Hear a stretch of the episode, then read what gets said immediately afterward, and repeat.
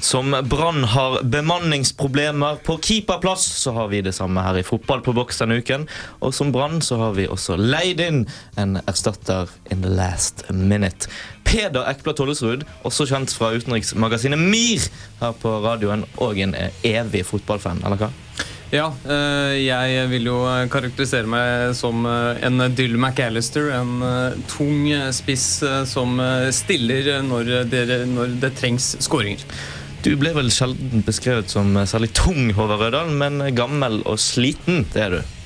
Gammel og sliten med skulle si, melkespreng, men jeg er fit for fight likevel. Og i motsetning til Dylan McAllister så var jeg vant til å skåre mål.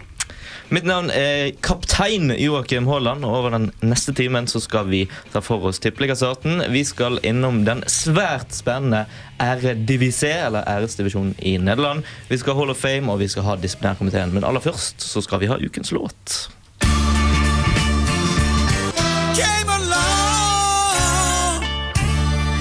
Lee Fields har alltid vært en faithful man på Studentradioen i Bergen. Og det var også ukens låt her i Fotball på boks.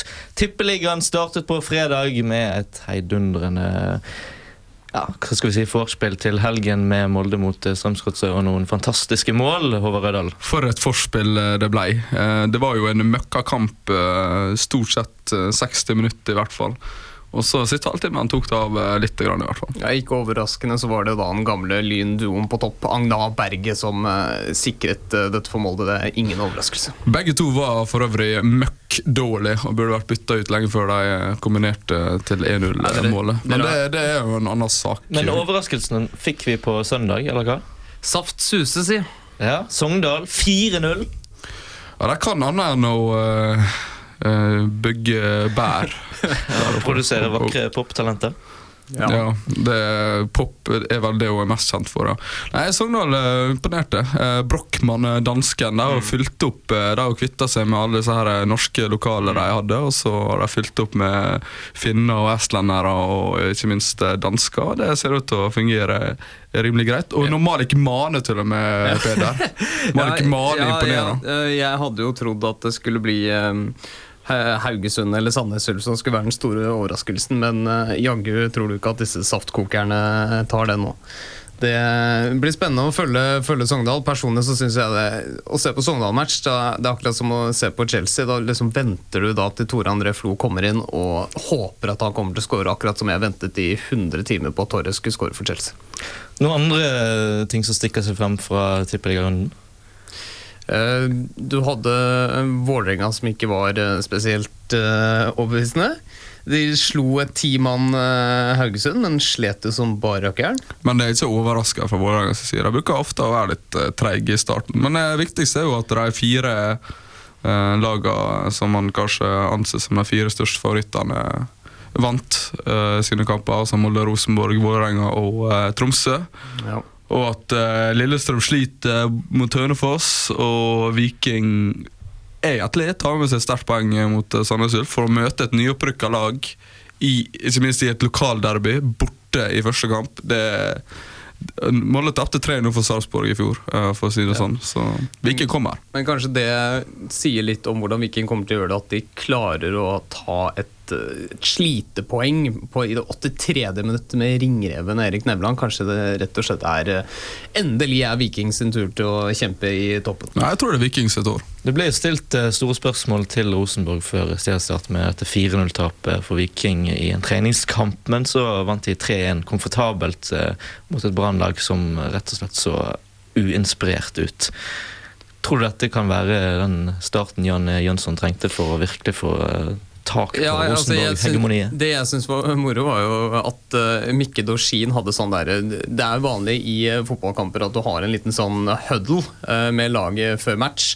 Men Rosenborg droppa jo oppvarmingen og hadde sånn halvannen times huddle med Mikke Dorsin som drev og skreik inn i sirkelen.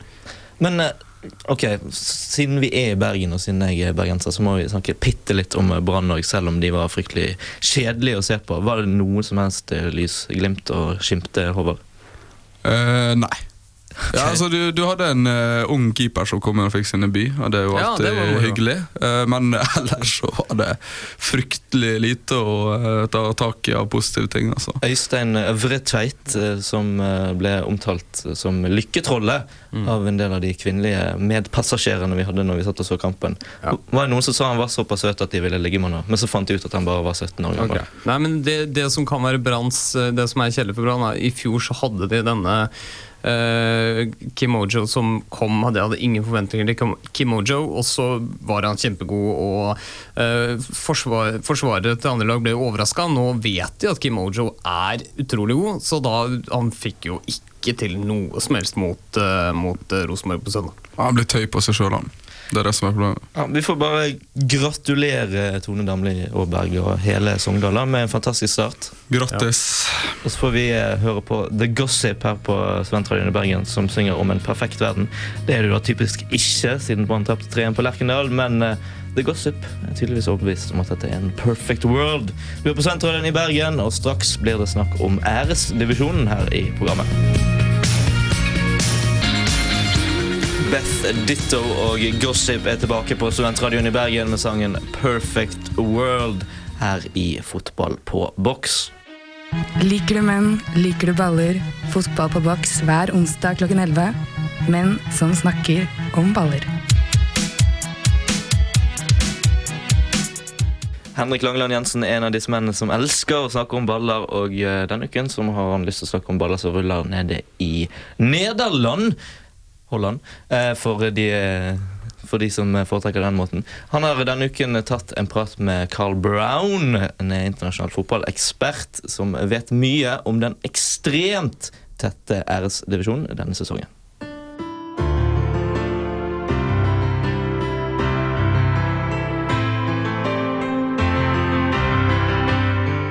Det er knalljevnt i toppen av den nederlandske ligaen.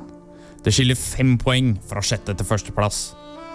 Det har gått så langt at det har blitt etablert et topp seks som ligger ti poeng foran resten av røkla. Det ligger nå an til et skikkelig rotterace før sesongavslutninga. Hvordan har dette oppstått? Jeg kontakta Carl Brown fra bornoffside.com for å se hva som foregår i landet under havgrensa.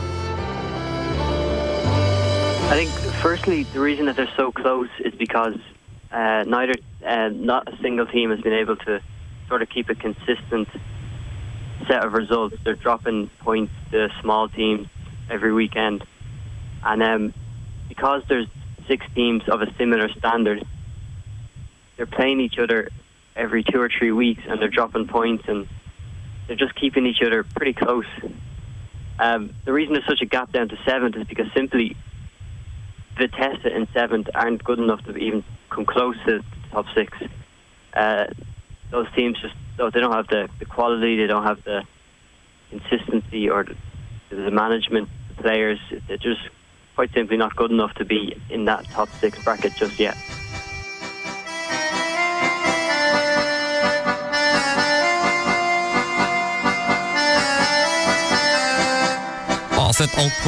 Ajax, Tvente, PSV Eindhoven, Feyenoord og Herrenfeen har alle muligheten til å ta gullet.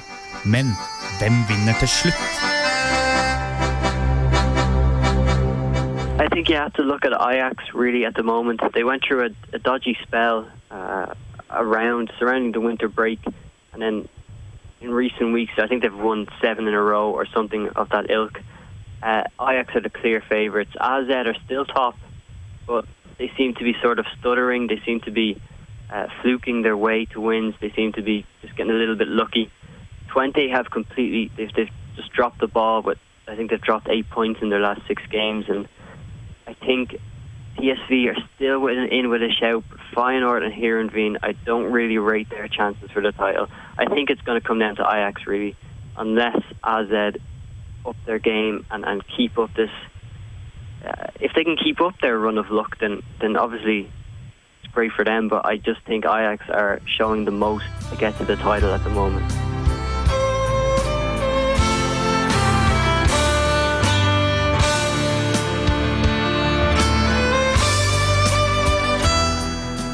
Disse er alle gode lag, men noen spillere har for vane å stå ut fra massene. I think each team has probably their, their two or three standout players. Um, I think if you're looking at AZ, they have Adam Marr, who's a, a young Dutch player who's come through this year. He looks exemplary. He's, he's a top-notch talent. If Rasmus Elm, uh, a big Swedish player. He's, he's just he's brilliant. Um, each team sort of has those two or three players. I mean, Ajax have Jan Vertonghen, and, and he has been an absolute rock at the back. He's a model captain. He's, a, he's an exceptional professional, and they're really making the most of what should be his last season at Ajax. At 20, they have Luke de Jong, who is essentially carrying them single-handedly. He is he's a, a big, tall striker, a huge talent, and he won't be at 20 for very long, to be honest. Uh, they also have Ola John, and Ola John is, is a joy to watch. He's young, I think he's 19. Uh, he's fast, a winger with excellent delivery, and he really he makes 20 tick along with the young. Uh, I think every team has those sort of two or three players that, that just raise them above the rest of the table. Uh, Herenveen, they have Luciano Narsing and Bas. Feyenoord have Jordi Classy uh, and John Guidetti. And these just these sort of players that, that, that set them apart from the rest of the league.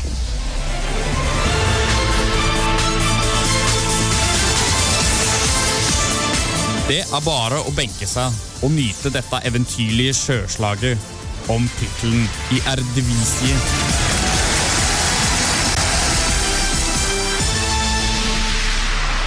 Henrik Langeland Jensen i samtale med Carl Brown fra bornoffside.net om eh, æresdivisjonen i Nederland. Han kan du for øvrig finne på Twitter på at 365 Days Football, der han eh, nå sier at han eh, ser frem til å bli eh, æredivisjonens svar på Sid Lowe etter han har vært på norsk radio og i samtale med Henrik. Men æresdivisjonen så langt er det utrolig jevnt og tett. Har du noen favoritter, Håvard? Jeg håper som vanlig på Ajax, sånn sett, men det er en spiller i Feyenoord som er City sin, eh, sin eh, Eiendom. eiendom. John Guidetti, som har pøta inn eh, mål på rekke og rad den denne sesongen. her. Så det hadde vært litt morsomt om han, i hvert fall tar eh, toppskårertittelen, eh, men eh, også om eh, han har vært med på et vinnerlag i eh, RS Division. Hva med deg, Peder? Eh, nederlandsk eh, serie, ja. Eh, men for deres del så bør de jo håpe altså Den nøytrale nederlender bør heie på Ajax. At de får eh, laget et kjempestort lag, holdt på de store spillerne sine, og ikke selger rundt sånn som alle de store lagene har gjort når de er på toppen, sånn som Feyenoord og PSV gjorde i sin tid. Og at eh, de da kan få ikke bare et bedre landslag, men også at de igjen kan få en triumf i Champions League. Mens vi hørte på Carl Brown snakke her, så var jo du inne på et interessant poeng med Heerenveen og nordmenn, eh, Håvard. også. Ja, for uh, Herrenfeen var jo kjent som et litt sånn eh, norsk uh, lag et par sesonger, med både Tariq Elionissi og ikke minst Kristian Christian Grindheim som spilte fast. Tanken. Og Heerenveen gjorde det rimelig dårlig de åra, spesielt Grindheim var midtbanestrateg der. Og nå ser du med en gang han er vekke, så er de plutselig topp seks og er kun fem poeng fra eh, serietittelen når det er sju kamper igjen. Og med en gang han drar til FC København, så mister de eh, ikke sant? Så Christian Grindheim han burde bare legge opp på dagen. De som ikke er vekke, det er The Shins. De er tilbake når de har ukens album her på Studentradioen i Bergen. Det er Port of Morrow, og sangen heter Bait and Switch. Du hører på Fotball på boks, og straks blir det disiplinærkomiteen. Indie-bandet fra Albuquerque, The Shins, som for alvor slo gjennom i filmen The Garden State tidligere på 2000-tallet, har ukens album her på kanalen. Port of Morrow heter det, og sangen var Bait and Switch.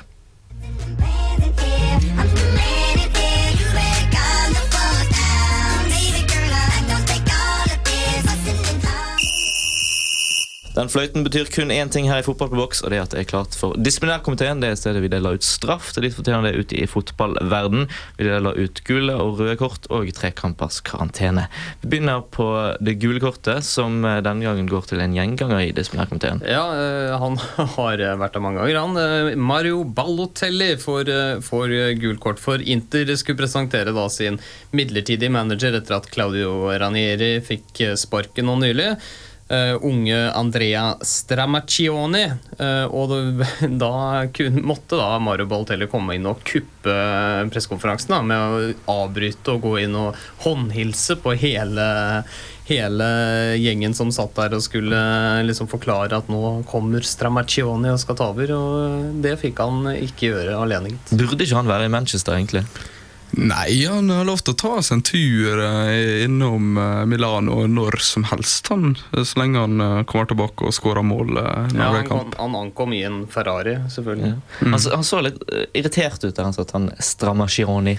Ja, eh, det skjønner jeg veldig godt. Han, eh, eh, her sitter Inter og sliter, og så kommer liksom en gammel spiller som de gjerne skulle hatt, og liksom gnir det inn.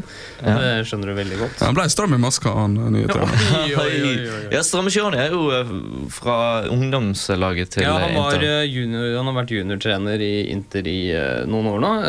Han har derimot ikke vært trener for, for Balotelli. Eh, skulle man kanskje tro at det var liksom derfor Balotelli kom inn for å liksom hilse på sin gamle trener, men han var ikke trener for Balotelli.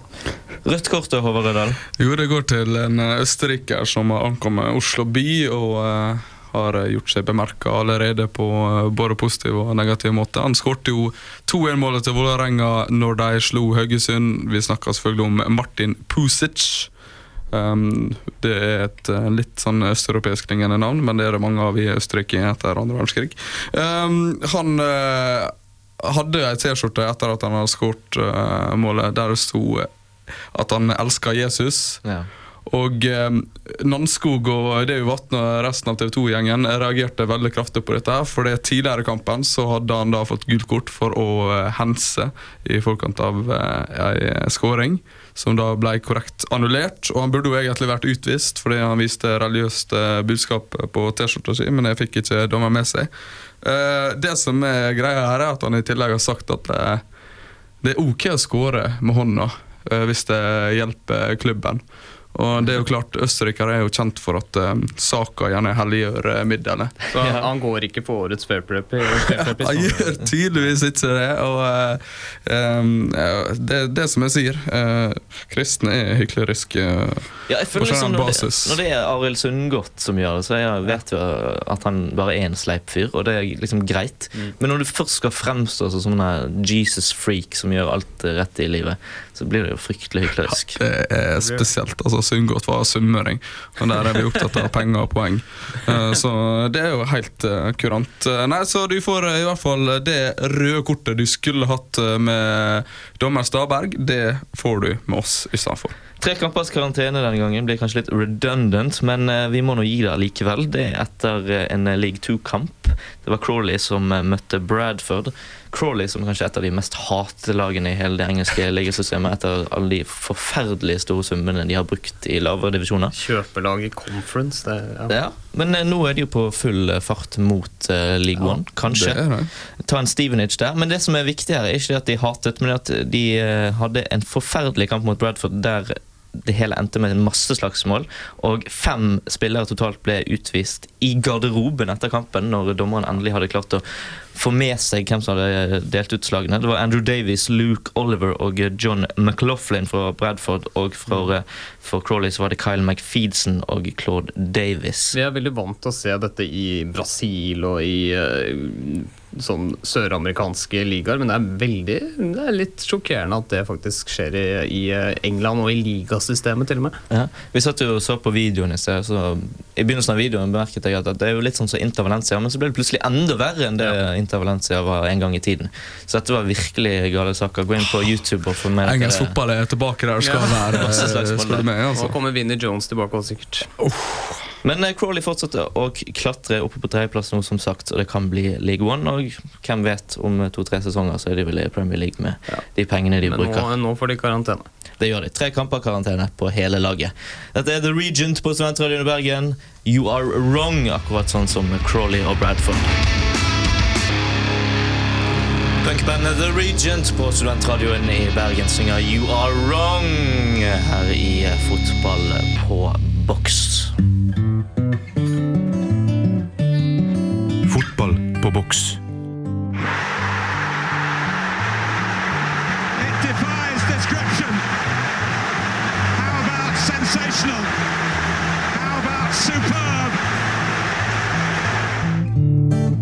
Ekte fotballglede. Som nevnt eh, tidligere i dag, så har vi en leiesoldat med oss i dag. Peder, som opprinnelig jobber i utenriksmagasinet MIR her på Studentradioen i Bergen, selv om du er en avid fotballfan.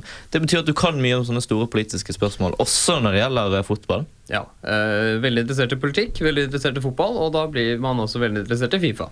Ja, for du har tatt en nærmere titt på dette med Fifa og korrupsjon og eh, England Ja, og VM. og... Ja, det var veldig mye snakk om det da eh, VM istedenfor å gå til England og da USA eller Australia, så gikk det da til eh, Russland og Qatar.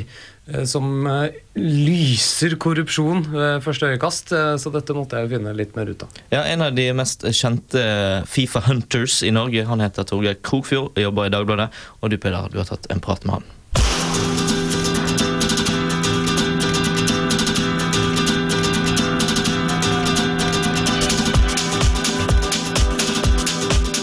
Fifa er det internasjonale maktorganet innenfor fotball. Og det kan argumenteres for at det er verdens mektigste idrettsorganisasjon, med konkurranse fra IOC. I de siste årene har spekulasjonene og anklager om korrupsjon haglet rundt den mektige organisasjonen og dens sjef, sveitseren Sepp Blatter. I desember 2010 ble VM utdelt til Russland og Qatar til fordel for England og USA. Noe som vekket harme i hele fotballverden, og Fifa ble umiddelbart stemplet som en korrupt organisasjon, og Blatter ble omtalt som fotballens verste skurk. Hvor mye er det dog i disse ryktene? Og hvorfor fikk egentlig ikke England VM? Kommer verdensmesterskapet noen gang til å returnere til Balløya? Torgeir Krokfjord, nyhetsreporter i Dagbladet, sier at en rekke Fifa-representanter er blitt tatt for korrupsjon. Vi gjorde en oppstilling på det hvor nesten halvparten har konkrete korrupsjonssaker på seg. Det var jo nærmest en, eh, en kultur som ble institusjonalisert. At det var lov å ha noen svin på, på skogen hvis man bare støtta seg platter når når det trengtes. VM-utdelingen i 2018 ble som sagt kontroversiell, men det var ikke uforventet at England kom til kort, sier Krofjord. Ettersom president Sepp Blatter har en klar strategi som han har fulgt i mange år. Eh, Engelskmennene hadde jo veldig stor tro på at de kunne få VM. Ehm, men det har jo eh, penger eh, satt litt til siden, så har det jo vært et av Sepp Blatters mantra er jo å få fotballen ut til så mange steder i verden som mulig. Han har arrangert VM i han har jo Brasil da, neste, og så har det vært i Sør-Afrika. eh, Og da Qatar og Russland. Så uavhengig av han, eller uavhengig av hvem som fikk penger av hvem, så har det jo vært hans mantra å spre det ut til så mange steder som mulig. Litt også fordi han har jo hatt sin støtte, ikke så mye i Europa, men, eh, men mange av hans mest trofaste støttespillere er jo delegater fra eksotiske land. holdt jeg på si. Det var rett og slett ikke Englands tur, selv om de på mange måter hadde en god søknad. Men det, det var nok mest de sjøl som trodde på det. Englands fotballforbund FA hevder at det er uoverstemmelsene mellom dem og Fifa som er årsaken til at England ikke fikk VM. Og FA er de som har ropt høyest om en utskiftning av Fifa-styret. Men dette kan være å kaste stein i glasshus. Og FA var jo plutselig veldig mot korrupsjon og veldig for en opprensning i Fifa når de ikke fikk VM. Når BBC kjørte en dokumentar helt opp til Cameron, David Cameron i Storbritannia helt fra seg over den idiotiske timinga. Så England var, ble bare fiender av Fifa og skeptiske til Fifa-styret når det ikke gikk deres vei. Så det engasjementet der er mulig, mulig det er ektefølt nå, men, men de ga også ganske blanke F altså, når, det, når spillet tjente dem sjøl. Korrupsjon er oppdaget i Fifa, og flere er tatt. Men hva gjøres nå for å få skittentøyet ut av organisasjonen? De har jo oppretta en sånn granskingskomité som har møter i Sveits, og så invitert en del journalister annet til å de ville at journalistene skulle legge fram dokumentasjonen for dem. Krokfjord sier altså at gransking pågår, og at Blatter, som da skal gi seg som president, vil gå av med flagget til topps.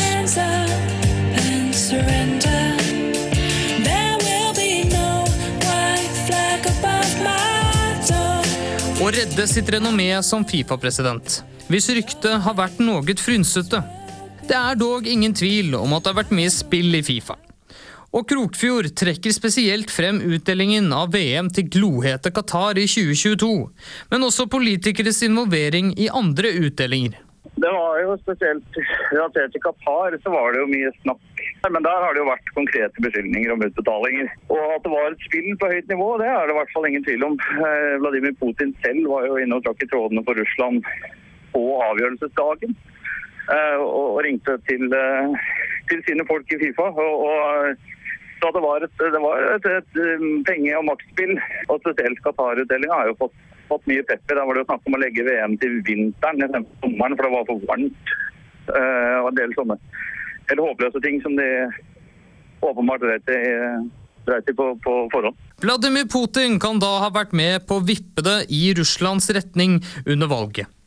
Men England trenger ikke fortvile. For det sies jo at den som venter på noe godt, ikke venter forgjeves. Og Krokfjord trekker frem at selv om ikke det var Englands tur i år, er det definitivt muligheter for at det neste europeiske landet som får VM, blir England. Ettersom deres nærmeste utfordrer fra Europa utenom Russland, Spania og Portugal, ikke akkurat er bortskjemt med penger for øyeblikket. Og at Englands infrastruktur med mange gode fotballbaner gjør at de har gode forutsetninger for å arrangere et verdensmesterskap. How rich can you get? You're never gonna know till you've met.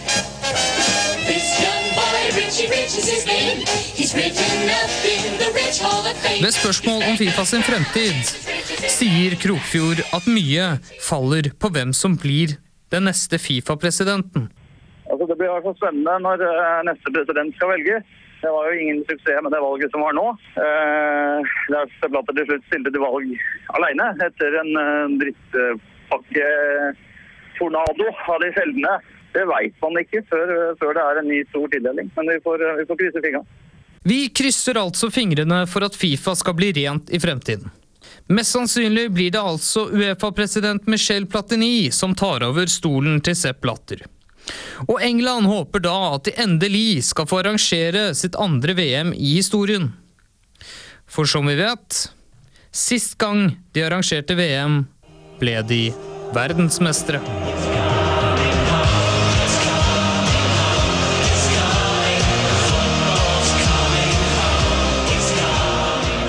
Leiesoldat Peder Eckblad Tollesrud der i Lett passiar med Dagbladet-journalisten Torgeir Kokfjord, som eh, vi i alle fall påstår er en av verdens beste journalister på jakt etter fotballkorrupsjon, sammen med også Andrew Jennings, som var denne BBC-journalisten som avslørte Fifa-korrupsjonen rett før VM skulle tildeles. Ikke klokt. Absolutt ikke klokt, men det var jo ærlig i så fall. da. Jo, men uh, ærlighet varer lengst er uh, en klisjé som ikke stemmer. En som aldri har vært uh, spesielt kjent for ærlighet, det er Morrissey i The Smiths, som synger om Big Mouth Which Strikes Again. Kanskje han synger om Sepp Blatter.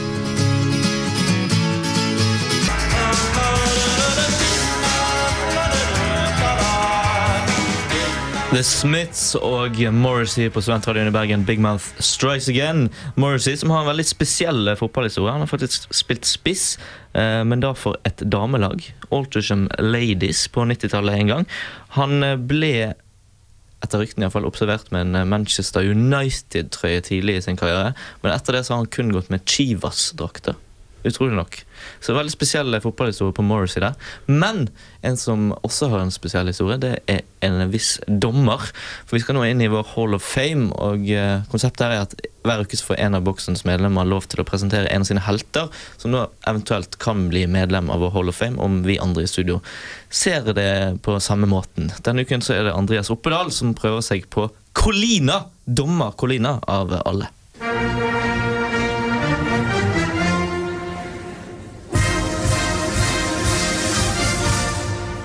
Ingen før eller etter har skapt like mye frykt, sinne, sorg, forståelse og rettferdighet. Ingen før eller etter har hatt like mye respekt og blitt beundret for sin fotballforståelse og syn på rett og galt.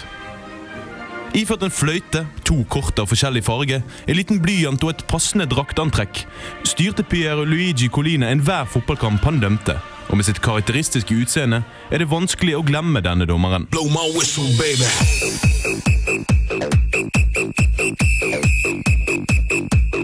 Blow my whistle, baby. Se for deg en kloning av Hitler, Pol Pot og Kim Jong-il. Ja, folk ville vært livredde. Bytt så ut våpen og vold med en fløyte og kort, og du har Pierluigi Colina. Med samme redselsfulle respekt. Født 13.2.1960 i Bologna var det lite som skulle tilsi at denne mannen en gang i fremtiden skulle bli høyt respektert over hele fotballverden. Eller, det vil si at han spilte fotball sjøl som ung, men kun på lavt nivå i form av et mindre lokalt lag i Bologna. Men like før han startet på en økonomiutdannelse, valgte den da hårfagre Colina i 1977 å delte på et dommerkurs. Historien videre er rikere enn onkel Skrue, og allerede noen år inn i sin nye stilling som dommer var Colina på bane i de høyeste regionale kampene i Italia, og i 1988 blåste han i Italias tredjedivisjon.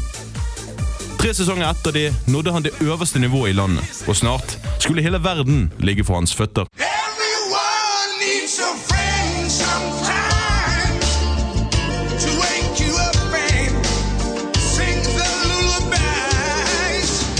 Mye av respekten Colina fikk på fotballbanen kom ikke bare av hans naturlige tilnærming til dommerrollen, men også hans noe skremmende ytre.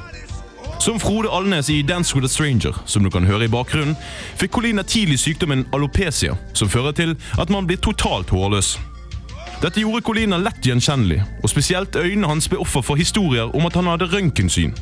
Noe flere og flere trodde på, ettersom han virket som han kunne se alt som foregikk ute på fotballbanen. Men til tross for sin sykdom fortsatte Colina på veien oppover i dommerhierarkiet. Og i 1995 ble han innviet på Fifas dommerliste, noe som ga han muligheten til å dømme i de store internasjonale mesterskapene. I 1999 dømte han kampen som han etter endt karriere skulle huske aller best, da han på Nokamp dømte sin første Champions League-finale, som skulle ende med det Colina sjøl kaller et løvebrøl. Beckham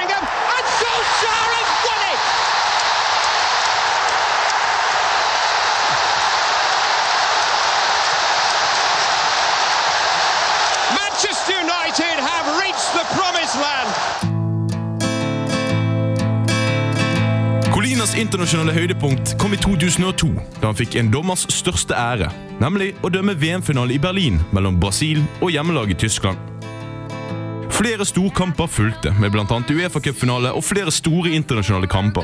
Men i 2005 nådde Colina Fifa-dommerens pensjonsalder, 45, og la opp samme året. Og hans siste kamp var Champions League-kvalikkampen mellom Everton og Villarreal. Det skal da nevnes at det italienske dommerforbundet prøvde å nekte han i å legge opp. Men Colina, som vanlig, sto på sitt. Men han skulle ikke med dette gi seg helt med dommeryrket. Som den meritterte og høyt respekterte mannen han var, med bl.a. hele seks titler fra IFFHS som årets dommer, fikk han raskt tilbud om å bistå i dommerprofilering og arbeide rundt om i verden. Og etter å ha ledet Uefas dommerforening er han i dag sjef for dommerne i det ukrainske fotballforbundet. Og hjelper fortsatt til i flere dommerkretser i Europa som frivillig, ubetalt konsulent. Colina høstet også mange lovord etter å ha stått imot trusler og forsøk på bestikkelser under den italienske fotballskandalen i 2006. Ja, sånt står det respekt av. It's like this, y'all. This is 10% luck, 20% skill, 15% concentrated power of will, 5% pleasure, 50% pain, 100% reason to remember the name. He doesn't Få dommere kan måle seg med den karrieren Pierluigi Colina har hatt. Med sin svært gjenkjennbare stil og utseende har ingen andre dommere oppnådd samme symbolstatus som den hårløse mannen fra Bologna. Colina har blitt brukt i utallige reklamefilmer for forskjellige produkter, som Adidas og Mastercard. Og ikke minst pryder coveret som hovedfigur på et Pro Evolution sokkerspill. Ja, ingen kan vel måle seg med denne mannen, som for alltid vil bli husket som den ene dommeren som til tross for sine forholdsvis få kontroversielle avgjørelser, mottok respekt og hyllest fra begge lags supportere. En verdig mann for Hall of Fame. Andreas Oppedal lanserer den eh, totalt hårløse Pierluigi Colina til vår helt egen Hall of Fame. Hvis vi da skulle velge å stemme han inn, så vil det være den første dommeren vi har eh, fått inn i Hall of Fame. Hva sier du, Peder? Nei, det eneste Eller det som trekker ned for meg, eh, som Oppdal for så vidt var inne på, disse eh, eh, reklamene. Han har jo da også stilt i en reklamefilm for Omo, Omo Koller eh, i, i Norge, sammen med kjente norske, norske skuespillere, og det trekker ned for meg, altså. Ja, det føles det veldig desperat ut. Det gjør jo det. Du da, Rødahl, du er vel kjent med å miste en del hår på hodet etter hvert. Du har vel en Mm, jeg, jeg kjenner igjen uh, problemet til uh, Pierluigi, uh, og at han da har samme som Frode. Det trekker, trekker opp i, i mine øyne. Men når du først skal ha en dommer inn i Hall of Fame, så hadde jeg jo likt at han uh, lanserte noen andre enn Colina. Det blir så åpenlyst, på en måte. Hvor er Graham Paul? Hvor er, hvor er Anders Frisk? Hvor er, hvor er amerikaneren som dømte Norge-Brasil i VM 98? Ja! Altså, det, um, men ok, eh, det er jo vanskelig å ikke like det er jo, det er, jeg syns det er litt morsomt at uh, man skulle tro at man, man skulle lansere en dommer at det ville vært i Hall of Hate og ikke Hall of Fame. Ja. Men uh, jeg har iallfall en veldig en annen hårløs mann. Tom Henning Øvrebø kan for min eh, del dra til Hall of Hate. Men uh, det er jo liksom våre venner som befinner seg i eh, Hall of Fame, så det har vært greit å ha en dommer på vår side, egentlig. Ja, absolutt, um, det er det. Og eh, en så myndig en i tillegg er i hvert fall å foretrekke. Men eh, la oss bare stemme, da. Ja eller nei, Peder? Ja. Oi, ja. Første ja. Ja, jeg går for uh, ja, jeg også. Ja, men da er Per Luigi Colina det nyeste medlem av Fotball på sin Kanskje, helt kan- kanskje, egen kanskje vi kan spørre han om å ta dis disiplinærkomiteen neste uke. just managed to speak to Roberto Mancini out here, and uh, he's confirmed that following the big money acquisitions of David Silva, Yaya Toure, and Jerome Boateng, uh, Manchester City have now gone one further by completing a deal to sign Jesus Christ, our Lord and Saviour. Fotball på boks. Vi trenger ikke penger for å gjøre suksess. Det var Champions League i går kveld. Det var Champions League med gode resultater for din del, Peder. Chelsea eh, hadde en veldig god eh, første match eh, mot Benfica. Eller den var jo vi spilte, Chelsea spilte ikke veldig bra, men et veldig bra resultat 1-0. Ikke bare er du Lyn-fan, du er også Chelsea-fan. Det er mer Champions League i kveld, folkens. Den største kampen av alle kvartfinalene. Nemlig Milan mot eh, Barcelona på San Siro. Nei, Jeg trodde du skulle si Bayern Marseille, men Nei, jeg skulle nok ikke det. Zlatan mot Pep og hele den greien der. Det blir spennende å se. Men eh, vi har dessverre kommet til eh, slutten av dagens Fotball på boks. Mitt navn har vært Joakim Haaland. Sammen med meg hatt Peder Ekblad Tollesrud. Utrolig gøy med besøk. Bare hyggelig. Jeg kommer gjerne igjen. Håvard Rødahl, du har også vært her. Utrolig gøy det òg, da. Men jeg ser deg litt oftere. Ja, det, du ser meg litt oftere, og jeg vet du er glad for det hver gang du ser meg. Vår produsent heter Bjørn Bendiksen Leinebø. Du eh, bør eh, bli her på kanalen og høre på både Soft Science og Gult kakestykke. Og så kan du kose deg med Lotus Plaza Events, som synger om Strangers. Vi høres neste onsdag til samme tid her på Studentradioen i Bergen.